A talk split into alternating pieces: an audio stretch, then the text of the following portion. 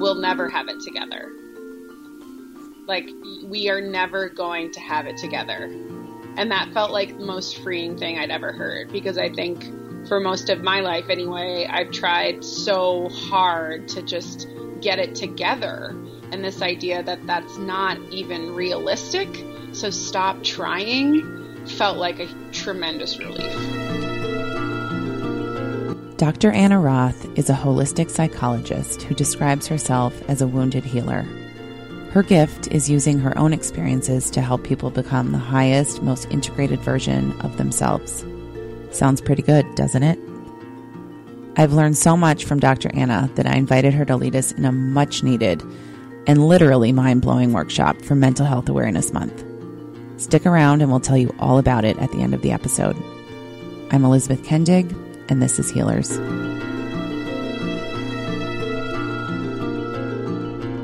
Well, I am um, recording. Woo! Okay, this is our third attempt, Anna. I know. I'm really proud of us. It happened. We we talked when you were having dog issues, and I have a dog, so this is. I, I'm sure yours is the light of your life. New dog Yes. Who is adjusting to a new Yeah. home. How? Exactly. What's it? It's a boy, yeah. Yes. Rumi. Oh, of course. do you do you quote do you quote Rumi to him? He's doing much better. Um, I don't. I should. I actually, that probably was the solution to the whole adjustment. Just just recite poetry to your pet What was and I thinking? God. Should have talked. Should have had this interview sooner. I could have saved myself a lot of dog training money. oh, they're such precious little creatures. They're so sensitive. It's true. So he is how is he doing? He he's good. You know, I think the the biggest thing was just, um, and this I feel like this ties in with just life is just knowing when to ask for help and knowing when you've reached your own limits of what you know and um, just being able to say like I have no idea what I'm doing like someone help me. And I feel like I waited too long to get to that point. And once I got to that point and I I asked for some help for some dog from a dog trainer it's so much better because now I feel like I know what to do and he knows I know what to do and it, we're just both doing so much better. So even therapists don't always ask for help as soon Oh, as as soon as they need it. oh yeah I, I Yeah. mean, maybe sometimes you're the last one to ask for help because you think I have all the tools. What is wrong with me? Well, that's the tricky part sometimes is people I think or I I imagine people think you think you're supposed to have it all all the answers or you're supposed to be the model of like perfect mental health and emotional health and balance and just because you have the answers doesn't make it any less hard, you know, to have life stressors or grief or um, your own personal blind spots. Like you're not immune to that just because you have answers intellectually. You know what I mean? Uh, yes, I do, but I've never heard someone articulate it that well. And I mean, not just for you, but for the rest of us. Even Yeah. though you know, it doesn't mean it's easy. Even though you're equipped, it doesn't mean it's easy. Yeah. Which is that- really hard because I really thought everything was going to be easy after the age of like, I don't know, 22. I think it's ac- I, right. I I totally agree. Except it feels almost like it's opposite. It's totally opposite. It really is. The sooner we accept this adulting business, the easier it's going to get. the better we'll be. It's yeah. I think you're right. So when Yeah. do when do people when do people need to see a therapist? I don't mean that in like broad strokes, but if you're sort of contemplating it. It's interesting because um, research says that most people come to therapy after it's gotten super bad, it's at its worst, and it's gotten a little bit better. So you actually have the energy and the initiative to go. That's what tip people typically do. You know what I mean? They're like they wait until it's gotten a little bit better.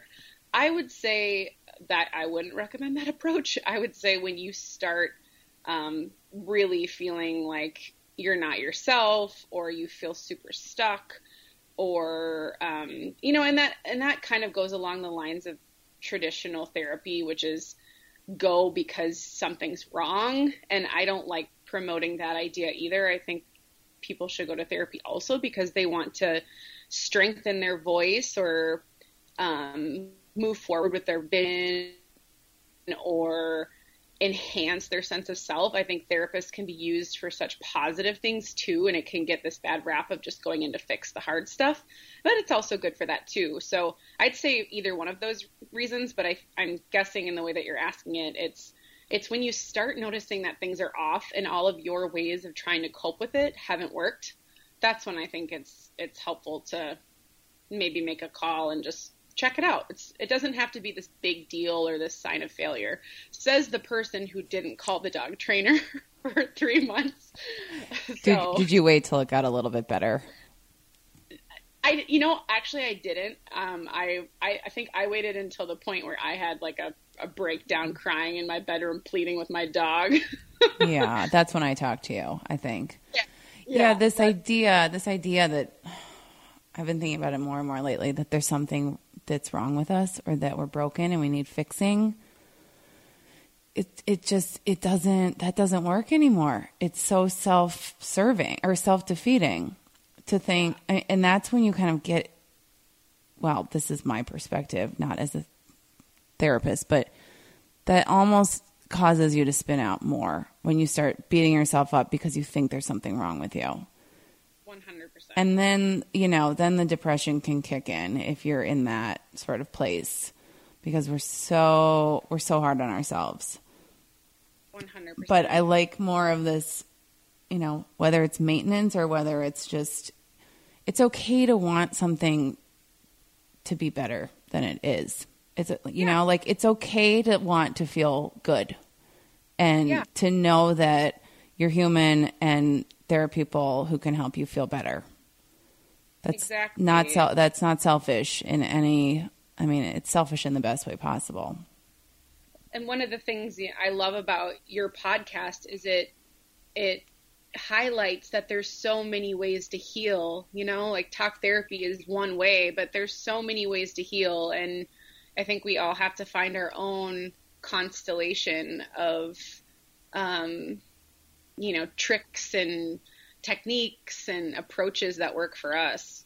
I just so. sat up a little bit straighter. yes, thank you. But yeah. no, a hundred percent. And what works for someone isn't going to necessarily work for you, and what works for you at one time in your life might not, you know, might not have the same effect later, or you might feel like you've outgrown one approach, and something yeah. else now is clicking Yep. so it's it's a you know it's really fun to explore. It sometimes takes some patience and trial and error for sure. But yep. your approach to psychology is a little bit different, and that's one reason why we're talking. Um, you sort of I I don't want to say you call yourself this, but you are a holistic psychologist. What does that mean? Yeah, I totally call myself that. Yeah, it um, sounds wonderful. I, I've had a had a, a therapy student interview me the other month, and they're like, "What does that mean?" Because in many ways, the majority of therapists are integrated. They are holistic. They pull from many different theories and many different approaches. So in some ways, it's almost a branding um, technique to indicate to consumers that I I really that there's maybe something different or that I do try to look at things in a little bit of a different way. And once we start talking, then I can inform them like what that's about. But to me, what it means to be an integrative psychologist is um, it means that I bring in the body too. And that doesn't mean touching people. It just means that instead of just referencing thoughts and the mind, it's tuning into sensation and emotion and the felt sense of the body to guide the therapeutic process.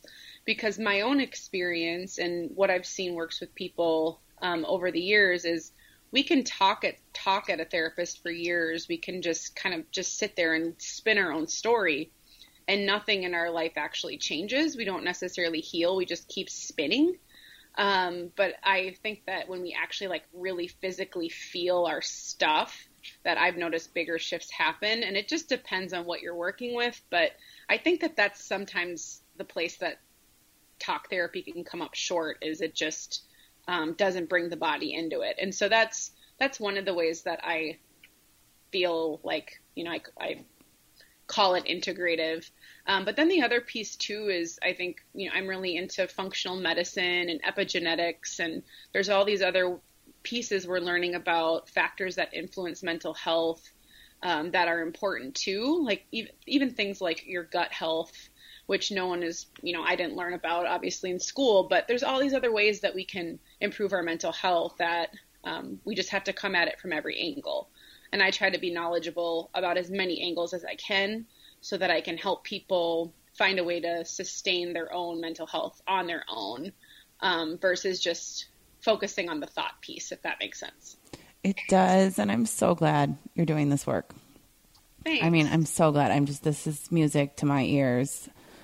I think about with the body how it knows and responds before sometimes there even is a thought.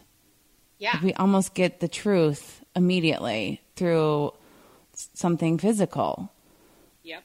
And and then this whole, you know, egoic mind like takes over and does what it wants with it, which isn't necessarily the truth to begin with. Exactly. That thought is, you know, rooted in so many so many things we've been taught or yeah. Exactly. That's that's what I that's what makes sense to me. But um and and the the sort of gut health and just how you feel, I I think we're totally underestimating how our physical state affects us on an emotional level. Like it makes sense when you have a cold or a flu and you suddenly don't have the energy to do anything. Yeah. But there's this there can be like a low grade issue, right? On a physical level. Yeah. Definitely. Well, like inflammation is tied to depression, and let's say you have a um, a food allergy that you didn't know about for years, and you have a constant state of inflammation in your body that's not being addressed. That then, once is addressed, you feel better in, in on every plane. You know. Yeah, you can I- be in a fog and not realize it till you're out of it. Right. Yeah. So there's just there's just a lot of other as as big of a proponent of talk therapy as I am. Um, there's just so many other things to try in addition to talk therapy and medication for depression, anxiety, grief. I mean, you name it. Um, so yeah, I I think that's important for people to know.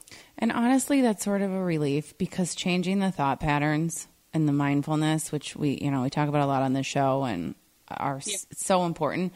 But how nice to be able to tackle something that's a little more practical too. Yeah. Than, oh, I'm, you know, 20, 30, 40, 50 years old and I need, I'm going to totally try to rewire how my brain works. I mean, no wonder we're in therapy for years.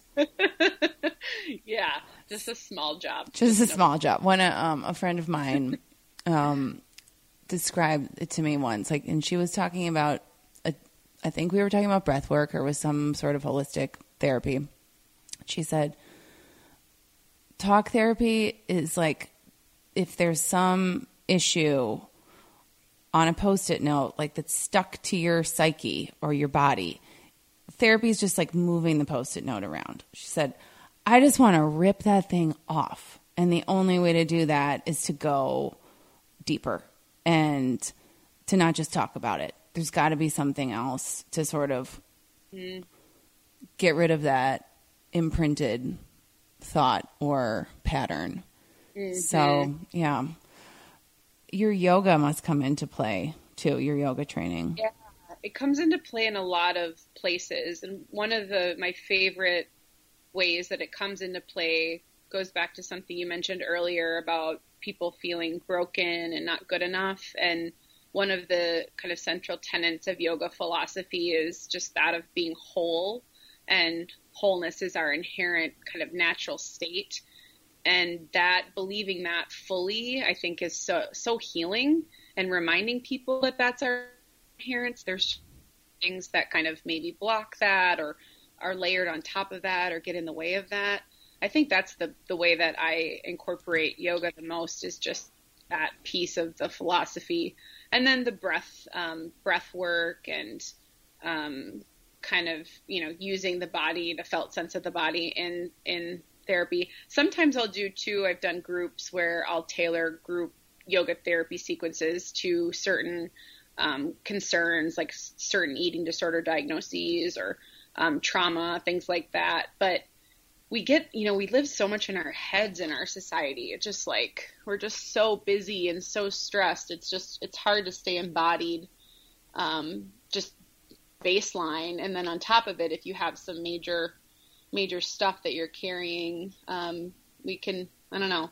Yoga, I think, is a really gentle homecoming, like to kind of reconnect us back to our body. So totally, I'm a big fan.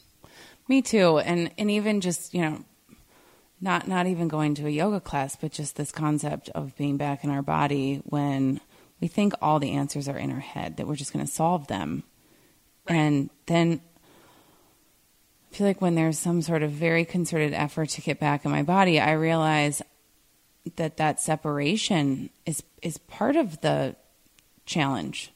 Right. That I'm not like being in your body and acknowledging it or like you know, holding, giving yourself a hug or putting your hand on your heart or whatever it is, is this kind of a radical wake up call that, wait, I haven't even been like loving myself.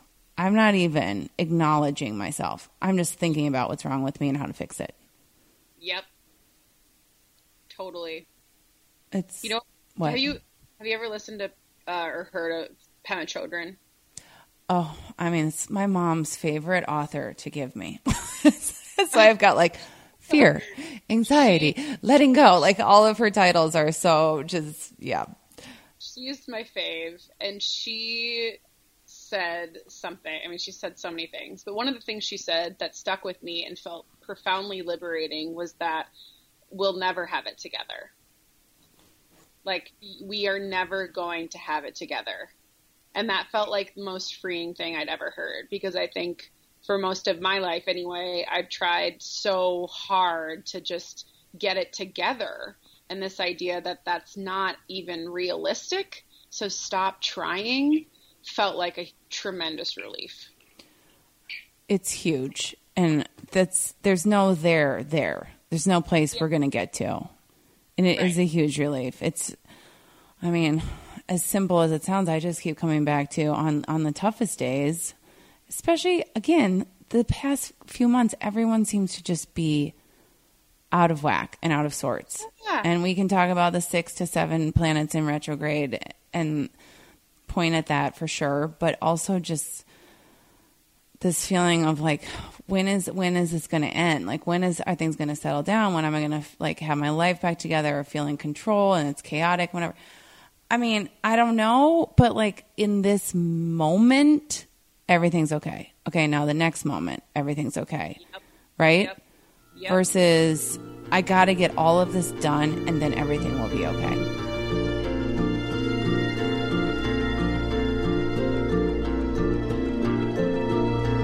Know, there's actually there's some like neuroscience to that. To that, Dan Siegel. Mm-hmm. Um, one of the books I recommend all the time is Hardwiring happiness. Wait, say that again. Hardwiring happiness. Hardwiring happiness. Dan Siegel. Okay, we'll put that in the show notes. And he talks about um, taking in the good.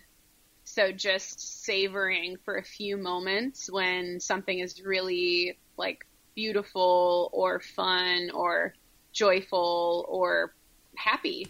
Just exactly what you did, just kind of like savoring it and lingering in it a few minutes longer than you normally would kind of creates a new neural pathway in the brain. Um, so nice job. Thank you. Yeah. Versus on to the next thing, right? Yeah. Oh, everything's good. So I should think about what we're, what's, you know, what's going on later today or, um, in my family, we, we always joke about logistics. We're always talking about logistics, which is so forward thinking. It's not, it's not even enjoying what's right in front of you. Right. And I mean, I think that that's sort of a sense of control, right? Like, mm-hmm. if I plan for everything, then it will be okay. Right. But then you miss the moments where things are actually are okay. right. Oh. Right. And the mess is kind of part of part of life, right? Yeah, the mess is part of life. There's another thing we need to just accept. Yep. Add that to the list too. Is this am I am I um just did I just think I was going to have a really charmed life or do you see this with other patients where we're all sort of taken aback that wait, I did everything right. I went to school, I did this, I got my, this job, I'm a really good person. What what is going on? Does uh, did uh, and is that because you are and I are you know same generation? I think like Yep. I don't know. I think everyone was so focused, like parents and teachers were so focused on like you can be whatever you want and all the opportunities in the world, and no one really told us that it was going to be hard. yeah, yeah. You're so focused on like getting to that end game goal, whatever it is, and then you get off the bus. You know, you made your destination, and it's like, oh, this what this is what actual life is like. Like I wasn't prepared for this. Yeah, this is the wrong stop. Yep. Mhm. Mhm. I feel the exact same way. Well, what's interesting is that um, you.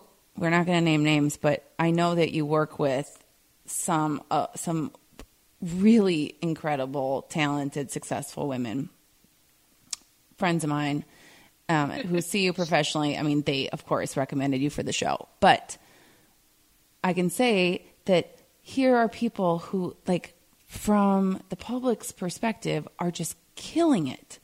They're mm-hmm. doing so well, and they seem just like everything is going for them, and they're in therapy with you. So the question is, are they doing well because they're in therapy, or do we need more therapy when we've got kind of when a lot is on the line? I mean, or option C, are you just seeing a lot of kind of like the more we want, the more we sort of struggle? I think I think that we all have multiple parts of ourselves. So there's this. I'm really into internal family systems. It's a um, kind of a certain type of an approach to therapy, and it has this idea that instead of being kind of one self, we have a multiplic- multiplicity of minds. So we have all these different parts of ourselves. So we might have a part of us that's like this, you know, kick ass entrepreneur. We have another part of us that's super artsy, a part that's um, really shy, a part that's very, um, you know, OCD. I mean, we have we have just so many different parts. Mm-hmm. So I think it's important the goal is to be to have good self leadership to be a good steward of all of your different parts so that they work together well and you can be your kind of biggest brightest um, most integrated self in the world and i think we all need help at times to do that and there's certain parts of us that are maybe more um, are wo- are more wounded or like um, needing care or needing encouragement or needing some repair so that the whole system of all of our parts can like manifest more fully into the world. Does that make sense? It it totally does. I mean, it kind of makes me think of the just the cliche of wearing many hats. Yeah. But on a more, you know, subconscious level than you know, labeling. I'm a mom, I'm a, you know, executive, I'm a this, I'm a that. Exactly. Yeah, I the metaphor I use all the time is the a conference table, and at the head of the table is like your highest self, and then around the table is all these other parts of you. Um, so that's kind of a visual for it, but it's almost like I'm a mechanic and I'm I'm helping people to to work on the parts that are slowing down the car. Mm-hmm. Um, and so you know some of these you know clients or people you're thinking about, it's like they're Formula One racers, and we're just like tuning up the tires or whatever, and then they're still speeding along their way. Um, I love so, that because we're probably all really finely tuned in certain areas, and yes, you know, we when we focus on like you know our work we're just going. But then if something else in our personal life or our relationships or our mental state is is lagging, it can bring the whole thing down. Or exactly, or we just are less less joyful. less know? joyful. I, yeah. I mean, I know I've I've spent um, or unbalanced. I've spent a lot of my life focusing on academics and and work, and haven't always been balanced. And so I think sometimes that takes some help to kind of recalibrate. And you can't always see where your balance is off because you're in it, and you think like, oh, this is just how I do it. This is how I live, and having someone outside of you go, um, well, how about like a hobby or some downtime, like, you know, Right. ever heard? What is that? I'm sure. then you're like, oh, okay, good call. It, it also, I would imagine, and I guess I can speak from personal experience somewhat here, but social media and the public persona side of things. I mean, whether you do that for a living or not, we all, most of us have one, and it gets a little complicated sometimes because you're putting yourself out there for your work, but does that always reflect how you feel when you're, you know, sitting Yeah. at home on your couch and you're not posting something? And it it it it trips me up. I've been doing it for so long, but like what's wrong with me if I don't feel this way when I'm, you know, taking a photo? Yep. but it's for my work. So, like, how much should we be integrating? Like, what, what is like the healthy way to integrate all of these different people within us? hmm I mean, I, that's sort of a question. No, it's it's really challenging. I Yeah. think it's yeah, like how the art of authentic self promotion. Because on one hand, it's a it's a brand, and so you want this brand consistency, but at the same time, your brand is you, and you are fluctuating in in your energy and your moods and your what you're up for, what you're not. Um, and I think yeah, we all have to kind of find that. I mean, I personally am a big you know fan of authenticity. I like to feel it and I like to see it in other people. Um, I love feels- this. The art of authentic self promotion. I think you should write a book on this. Yeah, Hmm. Someone needs to. Someone needs to. I mean, Yeah. you First- can't fake it. my first blog post for um, your awesome healers network that you're Yes, being. that is perfect. Yeah, consider consider it assigned. I think that would help. I think that would help so many people. It's the line is just getting so blurred. You know, like should I be completely myself if this is a business? I mean, you even have to do this, right? Here you are, you're a therapist, but you have to promote your business, which is therapy, but yeah. exactly. And Mm-hmm. I re- I really do think I do think about that because I do think people have the expectation that if I am the mental health expert, um, that I don't get depressed or that I don't struggle, and that's just not true. And I I personally, you know, after working that through, I've come to the decision that I feel like me being honest and modeling that kind of authenticity and vulnerability is more helpful than it is to conceal it. Um, and that if someone wants would want to judge me or not work with me based on that, they're probably not a great fit for me anyway. I think there just needs to be more voices of people being honest and open and upfront about how hard things are. Um, I just think the world needs that, and women especially need that. I do too. And there's definitely a fine line because Yeah, you still want people to trust you and and see that you have those tools. But I can, um, I can think about some of my early days of therapy before I had met any more holistic practitioners and healers that were so much more effective for me. But the very clinical like you know hospital setting therapists there was there it was such a one way conversation. And that was never natural to me. Like i don't can you at least give me an anecdote? Can you can you at least tell me like so- i mean i much prefer if a therapist is, can kind of give me doesn't have to be a personal example but something to show that they're human sitting there you know in in their chair. So there's definitely there's something out there for everyone. So i'm glad you're doing your thing. Yeah, and you know, me me in an interview with you is different than to not a ton, but like than different than me in a therapy room with someone of course in terms of you know the boundaries and Right. how much I'm working first of all. yeah, you're not like gonna you're not gonna commiserate on their time. What was your sort of journey into practicing?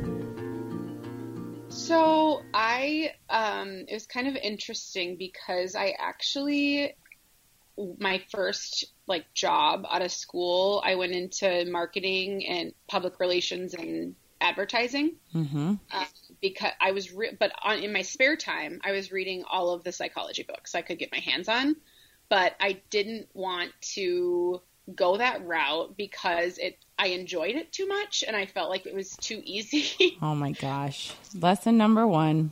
Hello. It's I'm not like, supposed I, to be hard.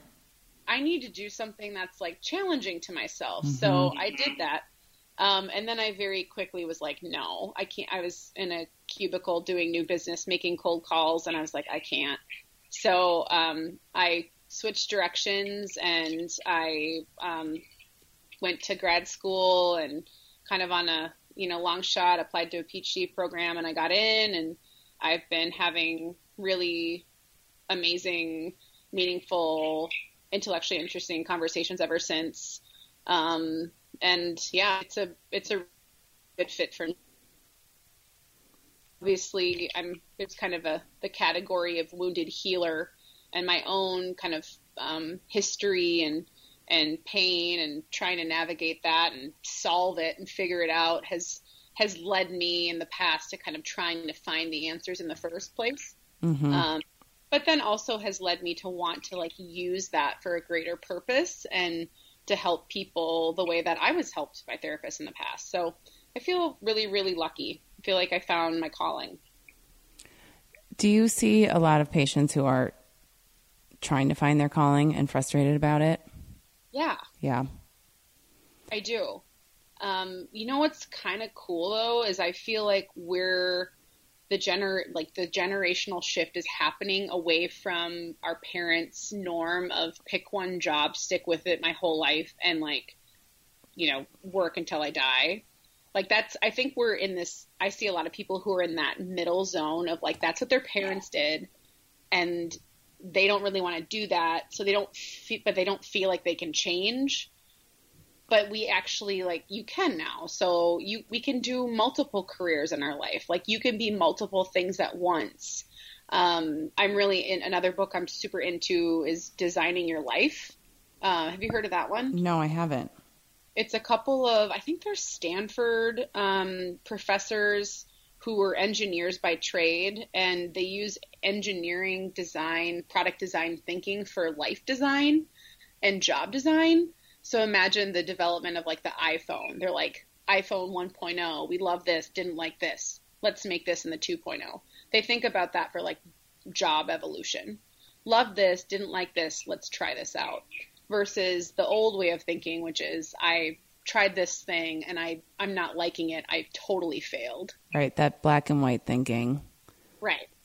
So um, yeah, I have a lot of people who are are in that space, but are kind of breaking through to to realize that they can be more than one thing or they can try multiple things and that doesn't make them a failure. They just get to they just get to have more than one more than one shot at life's work and try different things on.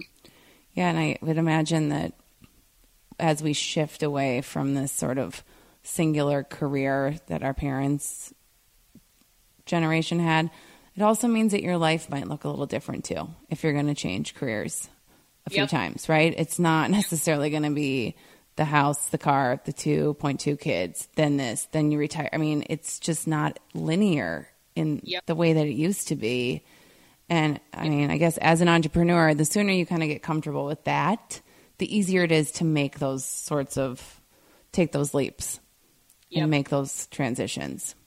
Yep. Also, a lot of those things don't actually make you happy anyway. I know. Right? Yeah, and you think they're going to, and then maybe you get them, and then you're not happy, and that's a whole other crisis in itself. It's a whole other crisis. What? Uh huh. Are you seeing what? Yeah. Tell tell me about that crisis. Do you see that regularly, where it's just like, what? happened? Yeah, what happened? I think that's the other another, you know, side of it. It's it's when you get everything you thought you wanted and then you're you're still not quite fulfilled or there's still something missing. I think that can be its um, it's my one of my mentors talked about it as post expedition blues. Like your your sights are set on climbing this mountain for so long and then you finally get up there and there's almost this this you know depression that follows it because you're like well now what i don't i don't know i don't know what's next. Right I, another mountain? I didn't have a plan and you know. Yeah it can be a little anticlimactic to continue with this metaphor. Yeah exactly. Yeah i'm i i guess i'm learning more and more that some of those external things, even if it's a big accomplishment, I mean, they enrich your life, but it's never going to be enough if it's outside of you. It's just not. There's all, you're always going to need one more thing. Finding that internal validation is const, kind of a constant. Uh, I don't know if struggle is the right word, but definitely a goal. What else are you seeing with your patients these days? Are there any trends? I feel like people are so lonely, to be mm. honest. I think that we're so, you know, we're so connected, like you were mentioning with social media, we're more connected and people are kind of addicted to connecting in a non connected way, um, but then feeling really, really isolated. That's, I, definitely the number one thing I hear. Wow. Mm-hmm. What um, is the solution to that? Is it literally put down your phone and pick, or you know, put down your phone and then pick it back up and call someone? Well, yeah, but will anyone answer? oh, I know, I know. right? It's like everyone's scared to scared to talk now. It's a commitment. I mean, you know, you're gonna be on the phone for 45 minutes but it's it, it, it's the best. It's way better than you know going down some rabbit hole of social media with that time. I know, I know. Well, and even just maybe starting to get comfortable with like downtime again. Just mm-hmm. You know, not having something that you're constantly engaged in, but I think finding community in in is good. Whether it's like a gym or I tell people to just do small little things like have a conversation with their barista or just say hi to someone on the street or you know thank the person who's bagging their groceries i mean just like little baby connections i think even can go a long way if they if they don't want to do like a big you know social scene or party or whatever. I mean um, do you hear what you're saying? This is this is so sad that we're at this point. I know. It is so sad. And you know, I had this conversation last weekend at a like a healing workshop. And in New York, all these people, so many people. I have never felt lonelier to be among that many people before because no one says hello, makes eye contact, you know, says excuse me when they're holding a door or thank you or whatever and and I and I won't get into, you know, I know there's so many reasons why everyone is so stressed out and strung out, but it is those just small moments of human interaction that that make you feel less alone instantly. Yeah. And so, I mean, I'm just like the Midwestern girl who's constantly talking to strangers here, and they think I'm weird. But uh, it's so true. It's so true that that I'm, I was giving you a little bit of a hard time more because it's so sad to me that we're that turned inward yet lonely. I know. But if, you know, I think if if if we're lonely, we can take it on ourselves to try to seek to get that connection or to reach out. Um, that's that's all we can do, you know. Right. And you know what? If you're lonely, someone else is too. If yeah. you you know, don't feel like you have any friends, then call, you know, or have coffee with you know, some acquaintance that you would like to be friends with because they're probably feeling the same way. I mean, it's right. you gotta we have to put in that effort, but that makes me so that makes me so sad. I do think that that downtime, you know, shutting things off and you know, you were saying like get a hobby earlier. The risk of that with when I talk to anyone about whether it's meditating or having quiet time or shutting off their phone is that now there's an opportunity for my thoughts and my true feelings to Yeah. come in. Oh, One hundred percent. One hundred percent. I'm a yoga teacher, and I avoid yoga when I don't my feelings. Yeah, because everything else is just a distraction from what's really going on with you. Uh huh. right? I mean, you're a workaholic not necessarily because you really like to work. I mean, there's other reasons for it. Or, you know, you're on your phone all the time. It's scary when you finally let that stuff come in. It is. But It that's is. when you get to, like, you know, work on finding the joy again and feeling better. And it's probably, honestly, the most important messages that you need to hear. Right. It's, it's. I think sometimes the it's the energy, the physical energy of the feelings that people get overwhelmed by, or the physical energy of the um, anxiety, like that is so uncomfortable. hmm hmm Yeah, it is. I mean, No. that's why it's uncomfortable for some people to just even do Shavasana. Right. because oh i'm still so now i'm gonna i'm gonna feel the anxiety or the stress coming back in i'm not Yep. i'm not even distracted by the pose anymore Yep. yeah Exactly. oh you should i just tell people Mm. and i do this for myself too is i walk when that's the situation if Okay. it's too much to like sit still or meditate and sit or you know lay down it's just like do walking meditation. Like give yourself a break. Yeah yeah that's yeah and if if i'm feeling like i don't have time to work out and meditate then that's what i do too it's just take a mindful walk. Yeah. And i mean it will be once you get used to it it'll be the best part of your day. Yeah. It's a it's a break. It's literally a vacation from everything. So if we can give ourselves that I if think we can give ourselves that, yeah, that's the other thing I see. There's like probably three things. Another thing too is just like the insane, crushing amount of stress people are under and how just bad they feel because they don't have any work life balance. That's like probably number two in terms of what people come in and talk about. and is is it real? How much pressure they're putting on themselves? I mean, are the reasons for that real? I think it's they're totally real. Mhm. Whether they're the job is insanely demanding or the, there's a part inside of them that's insanely demanding. Got it. Either way, it's real. Um, it you know what I'm saying? Like it yes, feels- yes, that was yes. I know exactly what you're saying, and I guess I would say I guess I should have said, is it like necessarily true? Does that make sense? Like yeah, the and Yeah. probably more the pressure we're putting on ourselves, right? Like, is that is it really necessary to do that? I'd like I'd like to think not. I, I mean, because like we always have a choice, right? Like we Yeah. can choose if we stay in the job, or we can choose if we work through lunch, or we can choose blah blah blah. Um, but you know, we just keep going. So until our health stops, or until something else makes us stop. But a lot of people struggle with that too. Um, And what do you do? What do you do for that?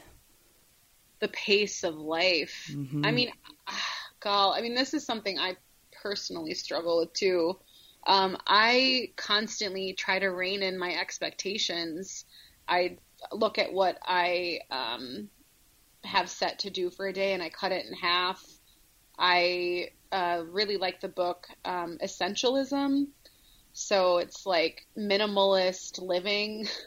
I like read blogs and read books about minimalism and just try to keep things simple. hmm Do less in a day. Um, I think I have that book, and I couldn't find time to read it. yeah, do less, and because then you don't feel like I didn't get anything done. Right, Yeah, right. Try to stay no more. But then that's the tension. You do Mhm. less, and then you sit with that discomfort of feeling unproductive. But then the alternative is you feel super productive, but then you're fried. So it's just like, it's just that finding that like sweet spot. So so tricky. Well, it's and it's you know it's so tricky if this is happening at work and you're employed by someone else because they're setting the expectation and the Right. deliverables, right? I mean, Right. of course, we can all push back and say this is too much or I need to hire someone, but I Right. see I see it really out of control with entrepreneurs because Really? there's no well, you set your own boundaries, so Right. and, and so there's it's never enough, and then you can see what everyone else seems to be accomplishing, Right. and that just adds to the pressure. right. Um, but Right. then it's okay. Well, if we don't know the consequences, it looks like what that person is doing is probably taking them 16 hours a day. But we also don't know that they don't, you know, their relationships are suffering and they're they have they're getting sick. I mean, you never know the whole story. Right. Right, which then comes to the whole comparison thing, which is like another huge This is behind door number three. exactly. Another huge piece and you know, thief of joy. Um Thief of joy. yeah. Yeah, comparison is definitely a killer of joy and, and other things. Yeah. So I try to, you know, stay on your own yoga mat with that one. Okay, so one of the things I'm really excited about is our new membership program at healerswanted.com. And you are going to be our first featured healer later this month. Um, I we really wanted to give listeners more experiential time with our guests. And so when I threw this back to you, what would be a topic you'd want to go deeper with our listeners? You said, befriending your inner critic. I don't want to be friends with my inner critic. Nobody does. Everybody wants to shut it up. But I'm I'm curious what your strategy has been with your own inner critic and that voice. Like what have you done to try to manage it? You know, I, the the biggest challenge that I have is that I I believe my inner critic. I think, well, I'm a I'm a smart girl, so whatever I'm saying to myself must be true. So it's probably less that I know how to work with my inner critic and more that sometimes I just have to ignore her or I wouldn't even get out of bed in the morning some days. If you didn't ignore her. Right. Mm-hmm. Would you like it if you didn't have to relate to that voice in that way? I think that anything would be possible if I could learn how to manage, befriend whatever sort of magic pill that you're going to share with us. If I could if I could really learn to work with her, the sky's the limit. I totally agree. And that is why I selected this as the one skill I want to share with healers. Um, it's the thing that I think most consistently blows the minds of the people I work with in workshops and groups over the years. Um, everything we hear is always to silence the critic or to stop it. And that simply doesn't work. If you've ever tried that, you know it's never happened. So I have a different solution for you and an exercise that I'm going to lead you through in this um, kind of special webinar opportunity. I can't wait to share it with you. It is going to change the way you relate to this voice forever. Okay, Anna, if you can pull this off, we can quit our jobs and go on the road. Um, no, I, I really, I didn't know this was a thing. Um, I've been wrestling with mine my whole life. Inner critic is all the negative self talk, all of the just, it's sort of just a running dialogue. It can be quiet and dull, but it's always there telling me what I can't do, telling me what's not good enough, telling me that's for someone else, not for you. So Yep. I selfishly cannot wait for this workshop. I mean, I cannot wait. I didn't even know this was a thing. So I didn't either until I did this myself. And it's, look at you now. it's transformed the relationship that I have with that voice in my head. And it's, um, I want every, every person, every woman I know to see this voice in a new light um, so that it's not so um, insidious and self sabotaging and hurtful. And men are welcome as well. Yes. Yes. Yep. It works for All you too. Welcome. Yes. So to recap, healerswanted.com, become a member. It's $11.11 a month. And that's also, that's the cost of doing this workshop with Anna. So join us and we will send you an invite, our super secret invite for May 30th. We're going to do, you know, it's going to be virtual. So we'll send you a Zoom invite. I think we're planning on 8 p.m. Central, but we'll confirm that.